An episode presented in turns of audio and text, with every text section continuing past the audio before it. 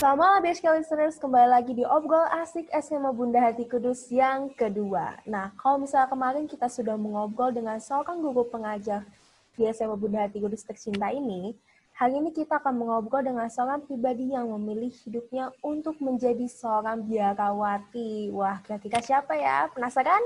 Nah, Dio ini merupakan suster yang pernah menjadi kepala sekolah di SMA Bunda Hati Kudus kita beberapa tahun yang lalu.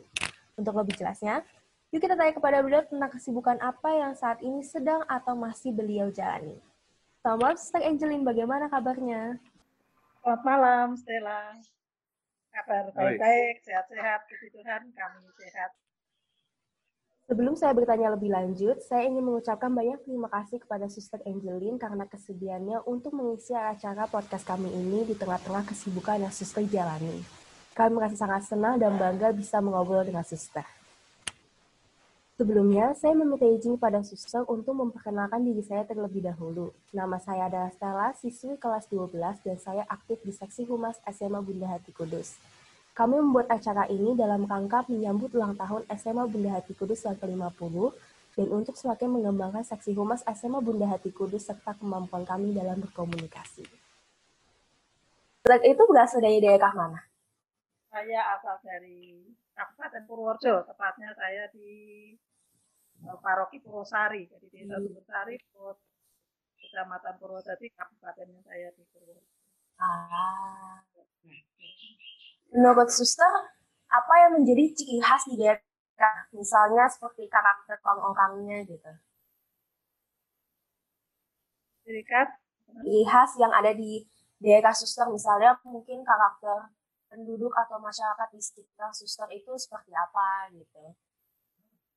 Karakter gimana ya kalau kalau untuk daerah eh, Purworejo moto motonya ya Purworejo berirama itu bersih indah rapi aman dan makmur.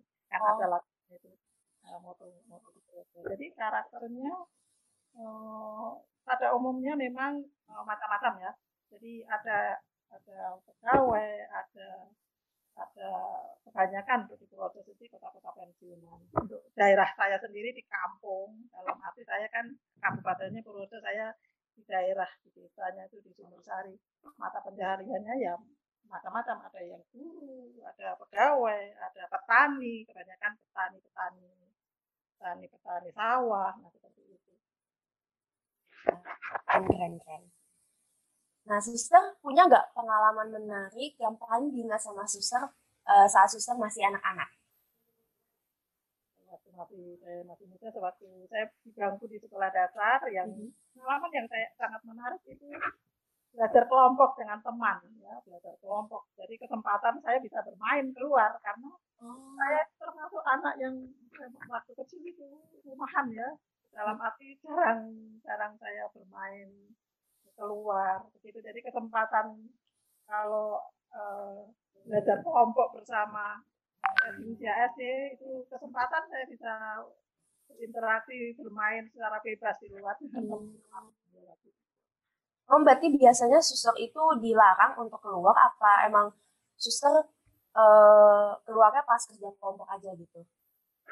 Bukan dilarang kalau dulu kalau waktu masih kecil hmm. jarang ya jarang jarang istilahnya bermain keluar begitu. Jadi kesempatan kalau misalnya misalnya pas kerja kelompok hmm. Eh, bermain dengan teman-teman itu karena apa ya waktu itu eh, itu harus laporan laporan ke guru. Guru balik kelas kalau nanti tidak tidak tidak hadir tidak ini di absen kenapa? Nah seperti itu. Jadi akan untuk uh, belajar kelompok ya, kesempatan untuk bisa bermain dengan teman kata tapi kalau sudah kita biasa sore malam begitu. Tapi kalau sudah waktunya jam dijemput bapak suka jemput. Jemput kembali pulang. Kalau main begitu kita kalau main nggak bisa sendiri. Ada adik nah, tapi kita dapat bermain karena biasanya saya kalau kalau itu pasti hanya ke tempatnya nenek waktu itu. Nenek dari bapak kan masih ada waktu itu paling-paling kalau itu ya bantu nenek kita bantu Nah, seperti itu kurang lebih. Hmm. Wah, keren, keren, keren. Nah, kalau boleh tahu nih, suster, uh, sejak kapan memiliki keinginan untuk menjadi seorang biarawati? Eh, kira-kira ya, kira-kira waktu itu uh, usia-usia SMP. Usia SMP hmm. itu karena waktu itu ada suster ya, suster-suster dari PPHK di Purworejo yang kebetulan uh, misa di waktu itu stasi kami Purwosari itu stasi dari dari Purworejo waktu itu waktu saya masih kecil. Sekarang sudah jadi paroki sendiri. Nah, waktu itu suster dari Purworejo itu ke Purwosari ada acara aksi panggilan.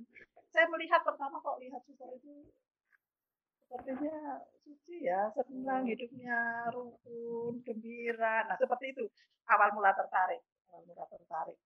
Oh. Nah, itu sudah uh, dari usia SMP waktu itu.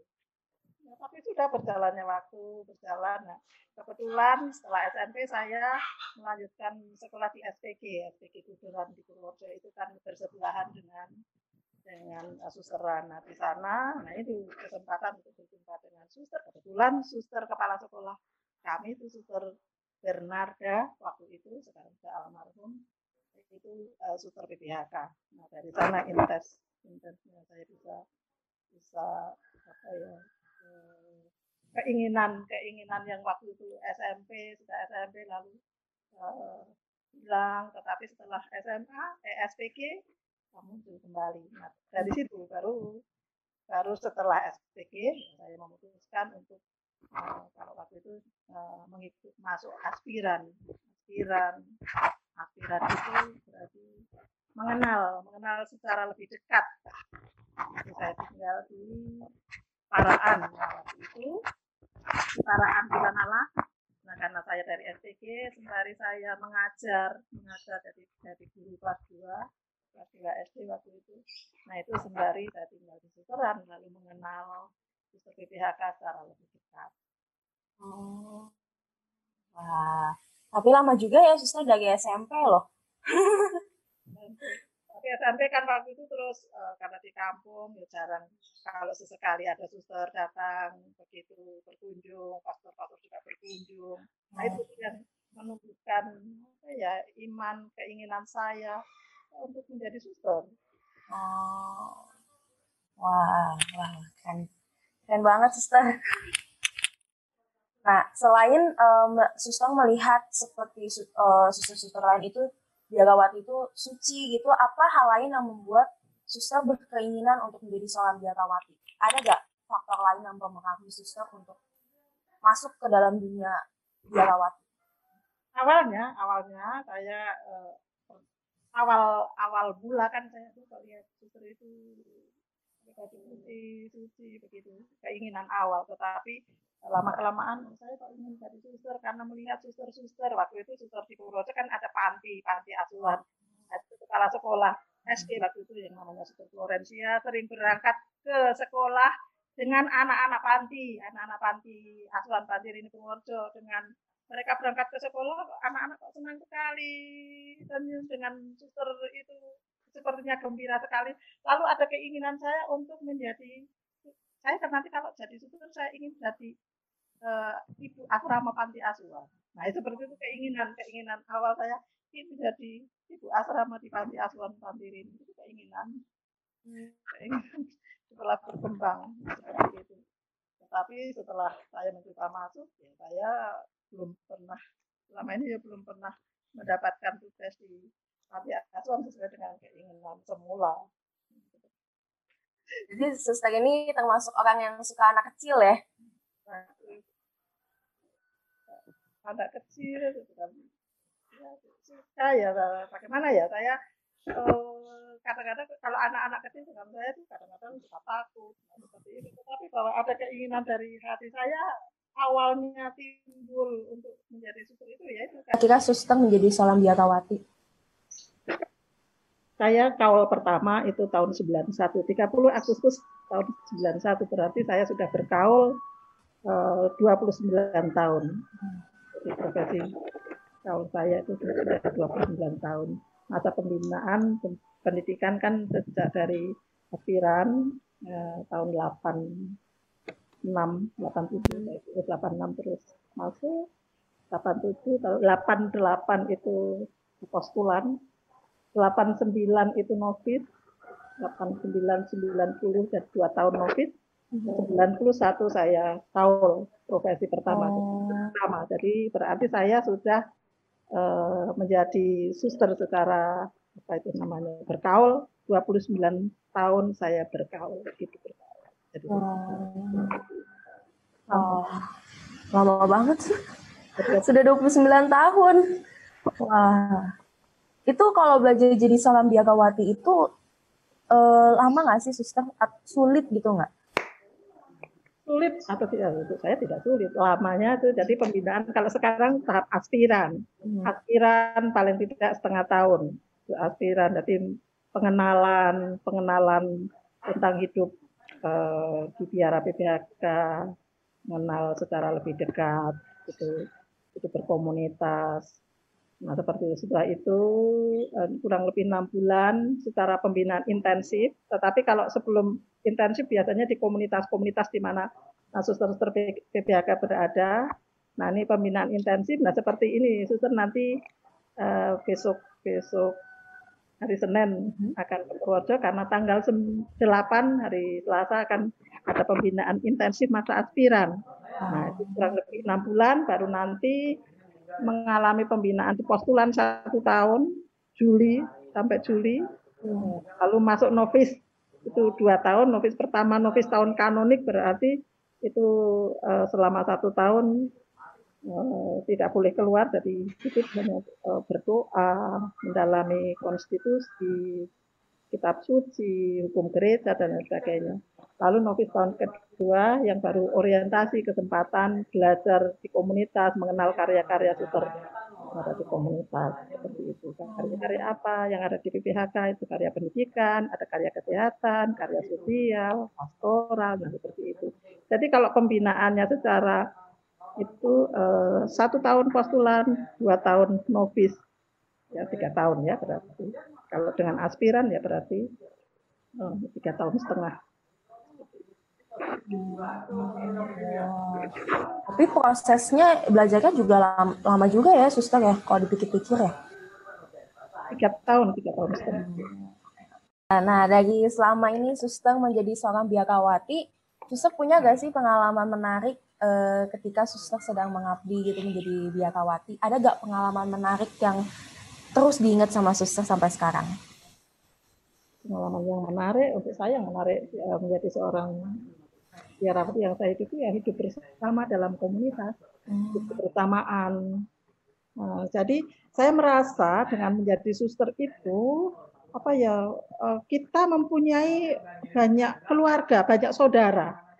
Contohnya contohnya eh, karena apa? Karena eh, waktu bapak bapak bapak ibu saya meninggal yang pertama kali bisa datang bisa bisa apa ya cepat uh, ke rumah begitu uh, uh, saya tentu waktu itu pengalaman pengalaman ibu eh, bapak ibu saya meninggal waktu itu saya masih di di Tegal komunitas Tegal.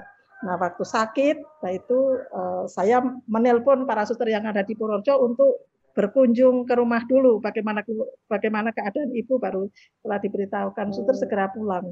Nah itu. Jadi dengan begitu apa ya jadi uh, dalam kebersamaan kekeluargaan itu yang yang untuk saya uh, bukan menjauhkan dari keluarga tetapi malah mendekatkan dekatkan jadi suster-suster itu menjadi keluarga saudara saya.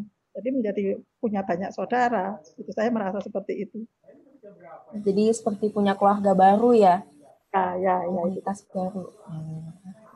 Banyak saudara. Nah, Sister punya kan uh, anak-anak muda zaman sekarang nih kadang masih terpengaruh uh, bukan kadang justru sering terpengaruh dengan uh, yang namanya teknologi dan kemajuan digital dan lainnya. Nah, kadang mungkin ada anak-anak yang punya panggilan di dalam hatinya tapi malah seperti aduh kayaknya gak bisa nih jadi biakawati nggak suka nih gitu. Nah, suster punya gak pesan-pesan untuk anak-anak muda agar memiliki panggilan menjadi seorang biakawan maupun biakawati? Sebenarnya uh, untuk uh, pilihan hidup ya pilihan hidup baik itu menjadi imam, biarawan, biarawati maupun hidup berkeluarga itu semuanya adalah panggilan, panggilan yang sama, semua sama. Tetapi bahwa bahwa awalnya, awalnya seperti saya, seperti saya awal, kok saya kok lihat suster begitu, saya lalu tertarik, kepingin, nah seperti itu. Jadi kalau untuk saya sih hidup itu eh, panggilan anugerah dari Tuhan. Kalau memang eh, merasa tertarik, merasa tertarik, ya mari kita berani mencoba, berani mencoba, berani mencoba, gitu. Jika tertarik untuk melayani Tuhan dan sesama untuk menjadi suster, mari bergabung, ya bergabunglah bersama kami di Tarekat Putri Bunda Hati Kudus. Karena hmm. menjadi suster itu untuk saya itu seru loh. Maka kami tunggu, kami tunggu bagi yang tertarik, yang berminat, barangkali Stella sendiri berminat mari mari ber, bergabung dalam arti mungkin datang ke susteran seperti apa kehidupan para suster. Nah, seperti itu. Nanti kalau suasana sudah aman ya sekarang kan. Hmm. suasana masih eh, dengan pandemi corona belum aman. Suasana sudah aman seperti di sekolah-sekolah eh, itu mengadakan aksi panggilan nah seperti itu bisa ada aksi panggilan silakan uh, datang live in tinggal bersama mungkin mungkin weekend Sabtu Minggu hmm. eh kalau di di Grogol ya boleh di susteran Grogol atau di susteran Kramat atau di susteran kota wisata untuk yang PPHK. Jadi silakan yang mungkin merasa tertarik ingin mencoba seperti apa sih hidup seorang suster. Nah mari bergabung lalu boleh weekend Sabtu Minggu untuk tinggal berada bersama para suster. Nah, mungkin mungkin uh, bisa dari situ bisa refleksi oh gimana sih uh, panggilan saya cocok enggak? Nah, seperti itu awal awal-awal mungkin bisa bisa bergabung. Datang weekend kita terbuka ya bisa di Grogol bisa di Keramat bisa di kota wisata. Silahkan yang mudi-mudi yang ingin mengenal yang mengen, yang ingin mengenal ya silakan boleh hmm. kalau suasana uh, sudah sudah aman ya tapi sering sering seperti itu, sering nah, sering ada setiap tahun itu pasti ada minggu-minggu panggilan, lalu kami terbuka untuk anak-anak muda, anak-anak mudi-mudi yang ingin ingin live in, ingin uh, mengalami mungkin weekend Sabtu nah. Minggu. Seperti apa sih hidup Yakawati gitu ya? Kami ada doa pagi, doa pagi, sebelum sebelum para suter uh, bekerja masing-masing di tugas perutusannya masing-masing kan pagi mesti dua bersama. Brevir sudah itu perayaan ekaristi baru baru di tugas masing-masing. Sesudah itu sore juga doa bersama lagi. Nah kalau hari minggu itu pagi doa bersama siang jam 12 doa, doa bersama sore juga doa bersama mungkin kalau weekend Sabtu Minggu silakan mari yang ingin bergabung ingin apa ya ingin mengetahui seperti apa sih kehidupan hmm. para dokter, mari silahkan kami terbuka untuk mudah lebih-lebih dari BHK ini dari tahun 71 hmm. hampir usia 50 tahun belum ada suster dari murid kami BHK. Saya itu dari SPG Bruderan uh, uh, sekolahnya milik bruder-bruder Karitas tetapi karena kepala sekolahnya kami kepala sekolahnya saya waktu itu suster PPHK mm-hmm. saya tertarik untuk menjadi suster ya kita tahunya itu PPHK oh. tidak di BHK belum ada ya menjadi suster ya? Yang di PPHK Grogol belum ada. Oh. Guru guru kalau guru sudah ada jadi guru jadi suster di status. Oh. Tapi bahwa murid murid dari PHK SMA PHK yang sekarang 12 Januari tahun 2021 usia 50 tahun belum ada. Ya mari mari. Mungkin di usia 50 tahun ada calon-calon dari siswi-siswi SMA Bunda Hati Khusus Wah, mantap, mantap. Nah, nih, buat BSK listeners yang mungkin tertarik untuk menjadi biakawati atau penasaran biakawati itu kayak gimana sih kehidupan sehari silahkan, silahkan datang. Oke, kita lanjut ya, Sister. Nah, nah ini nih, Sister, pernah nggak sih memiliki rasa kebosanan atau jenuh ketika menjadi seorang biakawati? Kalau dirasa jenuh bosan sih, kalau gitu saya nggak pernah merasa bosan ya. Karena kan kita apa ya hari-hari uh, setelah mendapatkan perutusan kan sibuk dengan tugas masing-masing hidup bersama rekreasi bersama lalu terus sudah tugas tugas di karya lalu bagaimana kita akan jenuh sudah. Uh, itu kita bisa dimutasi seperti saya. Saya kan pertama itu setelah kaul saya bertugas di, di menjadi guru di Pemalang, di SD Pemalang. Dua tahun, lalu diputus untuk studi, lalu di setelah di Jogja saya bertugas di Tegal, setelah di Tegal, di Grogol, setelah di Grogol, di Kramat.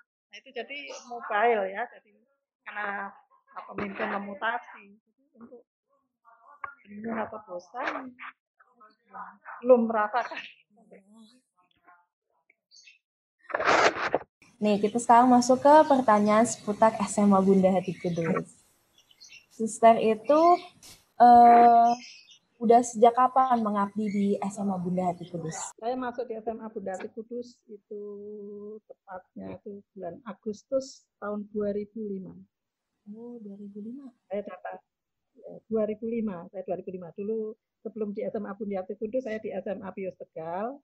Lalu saya berangkat ke Jakarta itu tanggal 10 Agustus, lalu saya masih di komunitas, baru tanggal 17 Agustus 2005, pas upacara 17 Agustus, itu saya diperkenalkan.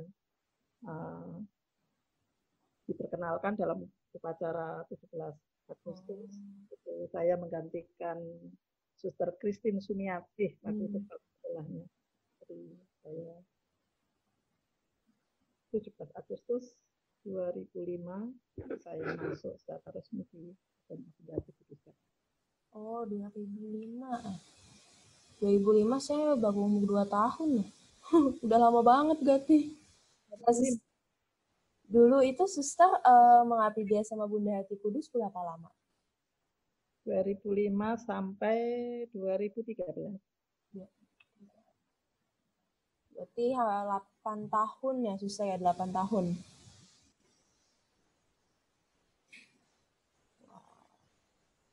Ketika mengabdi di SMA Bunda Hati Kudus, suster sebelumnya uh, langsung jadi kepala sekolah atau misalnya jadi suster yang belum jadi kepala sekolah? Saya langsung jadi kepala sekolah karena sebelum sebelum jadi kepala SMA Bunda Hati Kudus saya sudah menjadi kepala di SMA Yus Tegal, jadi dimutasi ya, mutasi tugas.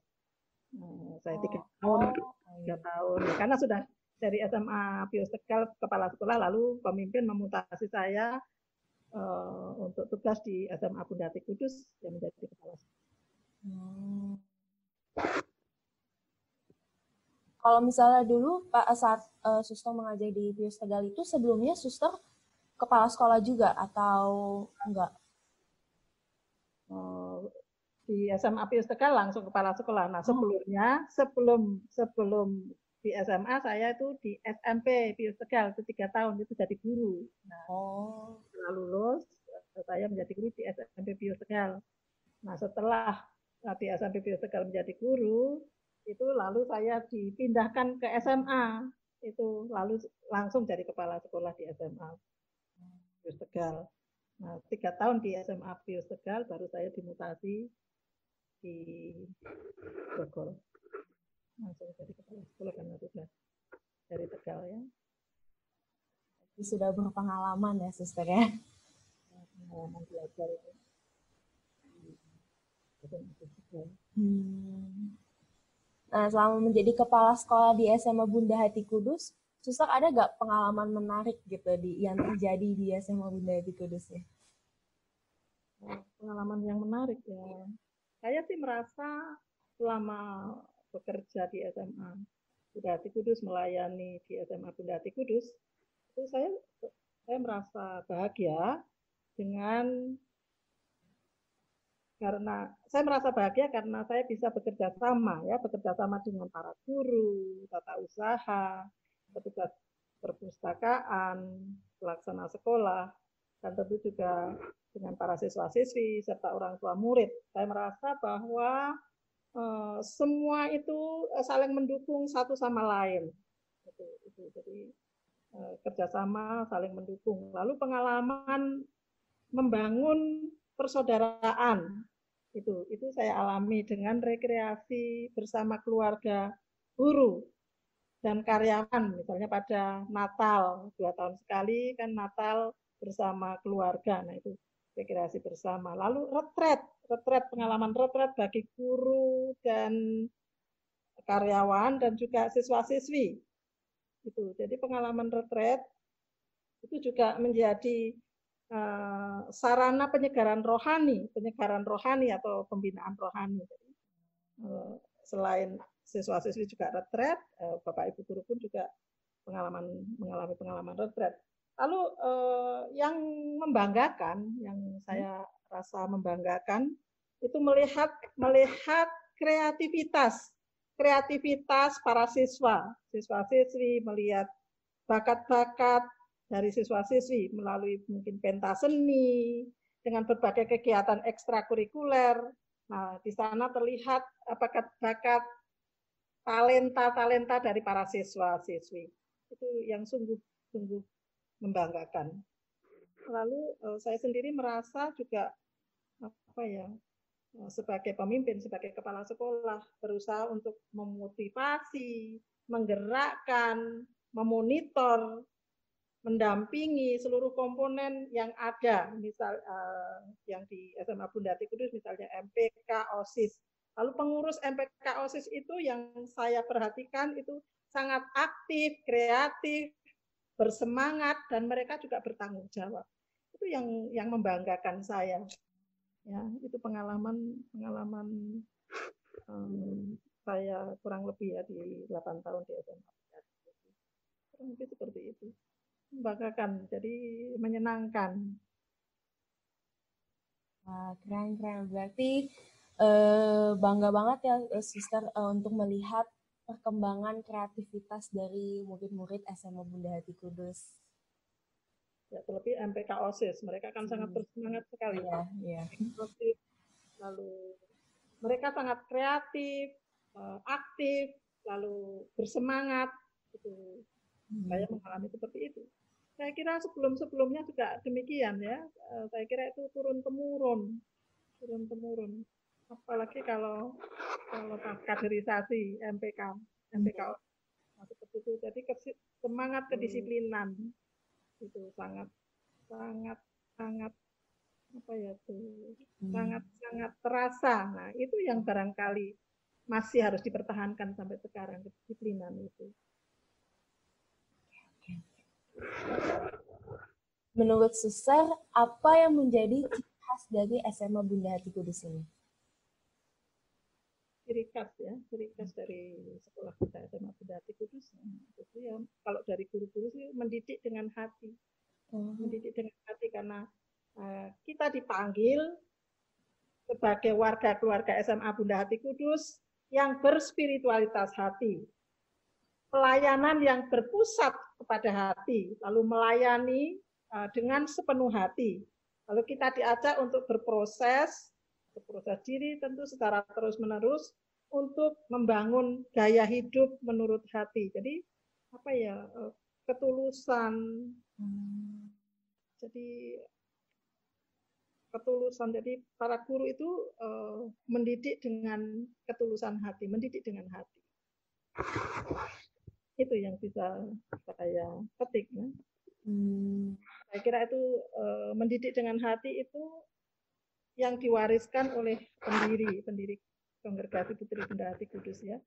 Pater Yosef itu mewariskan semangat hidup hati. Jadi, maka tentu warisan yang di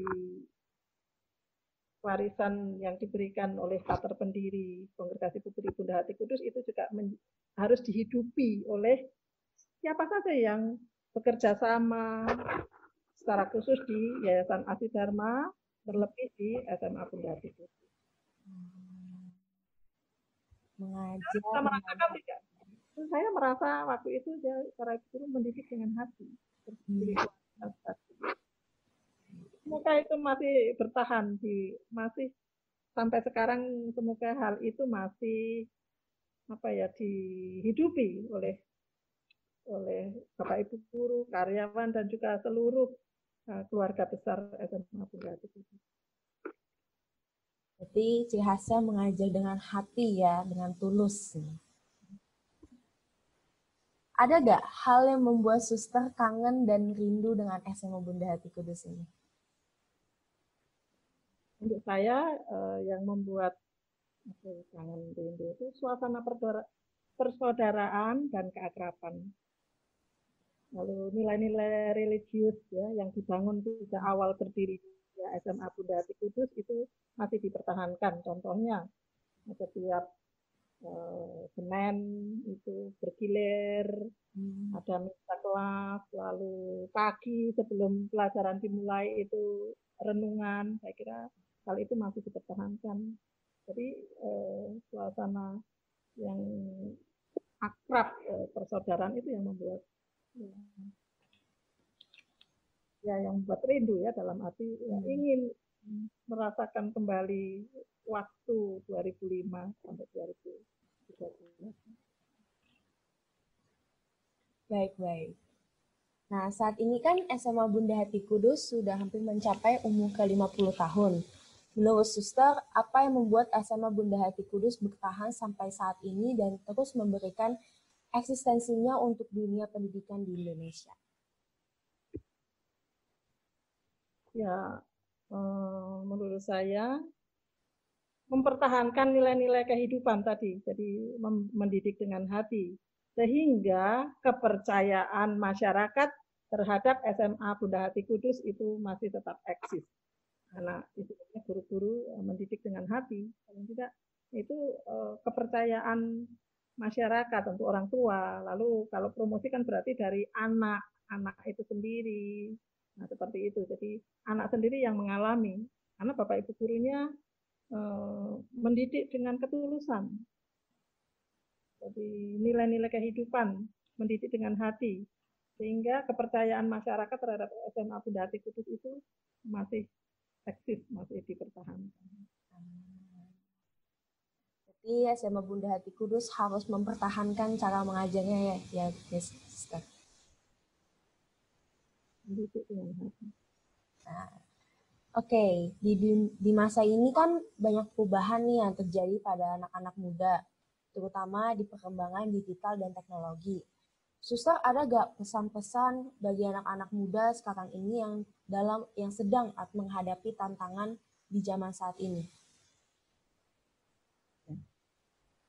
Jadi di secara khusus di masa pandemi ini ya, di masa pandemi ini, eh, sebelum pandemi barangkali eh, kegiatan belajar mengajar bisa tatap muka. Nah, di masa pandemi ini, eh, penggunaan teknologi digital ini saya kira merambah ke segala kehidupan, ini kehidupan. Hmm. Untuk itu, kepada kaum muda secara khusus di SMA Bunda Hati Kudus, bijaksanalah memaknai era, era teknologi yang canggih ini. Jadi Anda harus mampu menjaga keseimbangan, ya, harus menjaga keseimbangan antara ilmu pengetahuan dan iman. Jadi pikiran dan hati yang jernih. Maka perkembangan teknologi itu akan memberi manfaat. Ya, jadi harus ada keseimbangan. Keseimbangan antara ilmu dan iman. Lalu jaga uh, pikiran hati yang jernih. Maka perkembangan teknologi akan memberi manfaat ya bagi generasi muda. Jadi menggunakan sarana internet atau media sosial itu secara bijak, ya, harus bijak. Karena tidak dapat dipungkiri bahwa perkembangan teknologi dan internet itu bisa membawa dampak, dampak yang positif maupun dampak yang negatif bagi anak muda apabila tidak hati-hati cara menggunakannya. Oleh karena itu, para siswa-siswi SMA Bunda Hati Kudus sebagai generasi penerus bangsa harus mengambil makna yang positif. Ya, saya berpesan, ambillah makna yang positif. Jadi Anda bisa menggunakan internet untuk mencari ide-ide kreatif. Ya, bisa mungkin lewat Google. Melihat uh, tutorial kreatif di YouTube. Lalu membuat foto-foto yang menarik untuk ditampilkan mungkin di Instagram, lalu di Facebook, lalu tentu masih banyak lagi. Lalu pada dasarnya itu pada dasarnya dampak positif dari kemajuan teknologi akan dirasakan ketika para siswa menggunakannya secara positif. Maka pesan saya jadilah pengguna digital yang cerdas, kreatif, inovatif, dan efektif untuk kebutuhan belajar dan berorganisasi. Jadi intinya bahwa eh, kalian sebagai siswa-siswi SMA Bunda Hati Kudus menjadi jadilah eh, pengguna digital yang cerdas, yang kreatif, inovatif, efektif untuk kebutuhan belajar dan berorganisasi. Itu saja pesan saya. Wow. Jadi manfaat yang positif yang dikembangkan ya. hmm. ya. Harus bijak ya dalam mengelola perkembangan teknologi ya, Sister. Bijak. Jadi harus seimbang toh tadi. Hmm. Jadi harus imbang antara ilmu pengetahuan dan imannya. Hmm. Oke, oke, oke. Nah, up, uh, Sister punya pesan untuk punya pesan nggak untuk semua pihak yang terlibat langsung dalam memberikan proses pendidikan di SMA Bunda Hati Kudus pada mungkin guru-guru dan atau juga mungkin pada murid-muridnya. Kalau untuk Bapak Ibu guru dan karyawan dan tentu kita keluarga besar SMA Bunda Hati Kudus dipanggil untuk menjadi guru dan pendidik di SMA Bunda Hati Kudus yang berspiritualitas hati hendaklah pelayanan kita itu berpusat pada hati, melayani dengan sepenuh hati, melayani tanpa pamrih, dan mendidik siswa-siswi yang dipercayakan kepada orang tua, kepada SMA Budati Kudus, itu dengan ketulusan hati dan terbuka. terbuka. Hmm. Oke. Terima kasih Sister atas pesannya.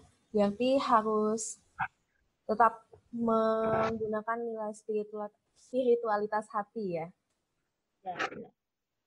Itu yang perlu dihidupi terus menerus, dihidupi terus menerus karena itu yang menjadi milik ya, milik kita. Hmm, Nah, sebelum kita ke pertanyaan terakhir nih, Suster boleh dong nih kasih eh, ajakan kepada orang-orang di luar sana atau mungkin siswa-siswi SMP yang sedang memilih SMA Bunda Hati Kudus supaya memilih pendidikan di SMA Bunda Hati Kudus kemudian.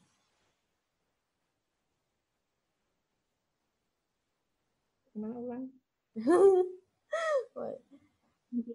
Untuk uh,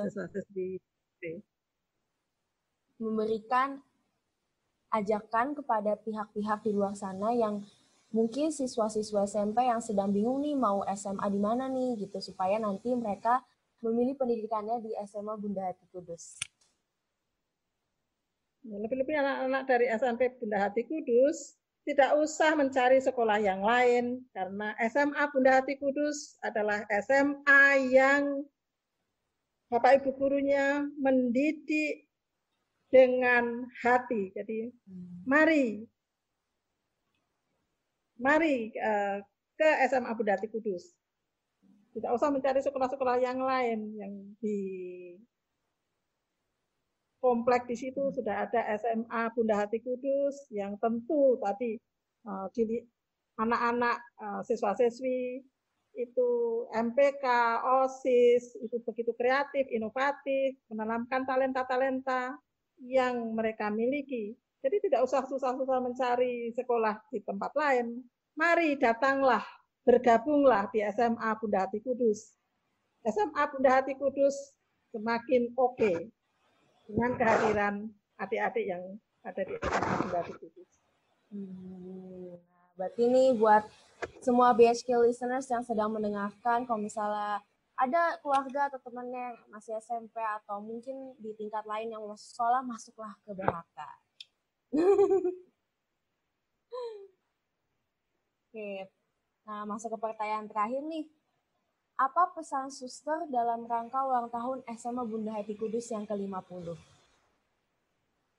Sebagai keluarga besar SMA Bunda Hati Kudus, hendaknya memiliki dedikasi yang tinggi, semangat persaudaraan dan kekeluargaan serta persatuan hendaknya dijaga dan dilestarikan.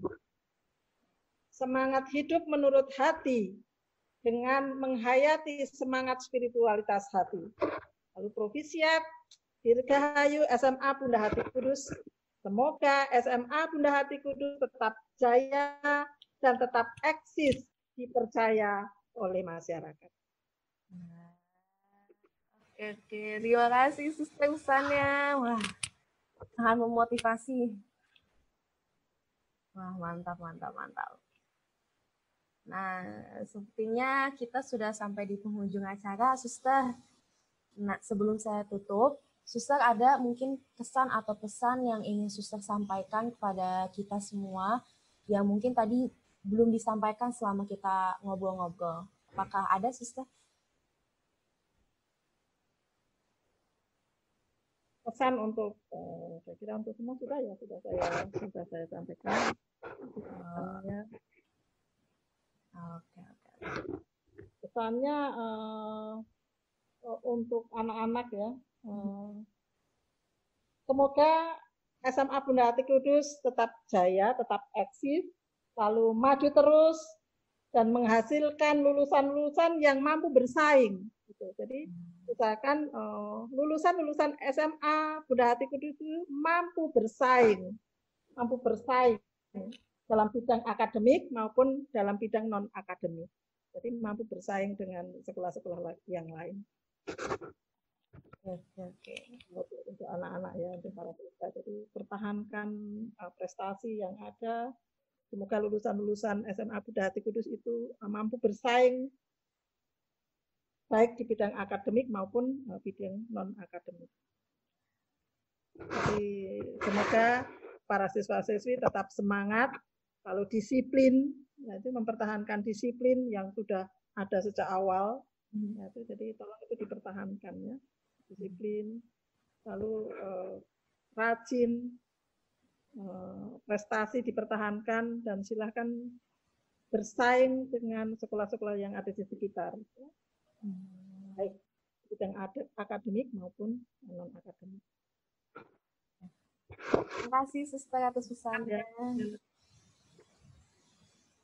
Nah, karena kita di penghujung acara, saya ingin mengucapkan banyak terima kasih atas kesediaan Suster mengisi acara di podcast ini. Besar harapan saya semoga Suster selalu diberikan kesehatan, rezeki, dan umur panjang sehingga Suster bisa tetap memberikan berkat kepada orang-orang di sekitar suster.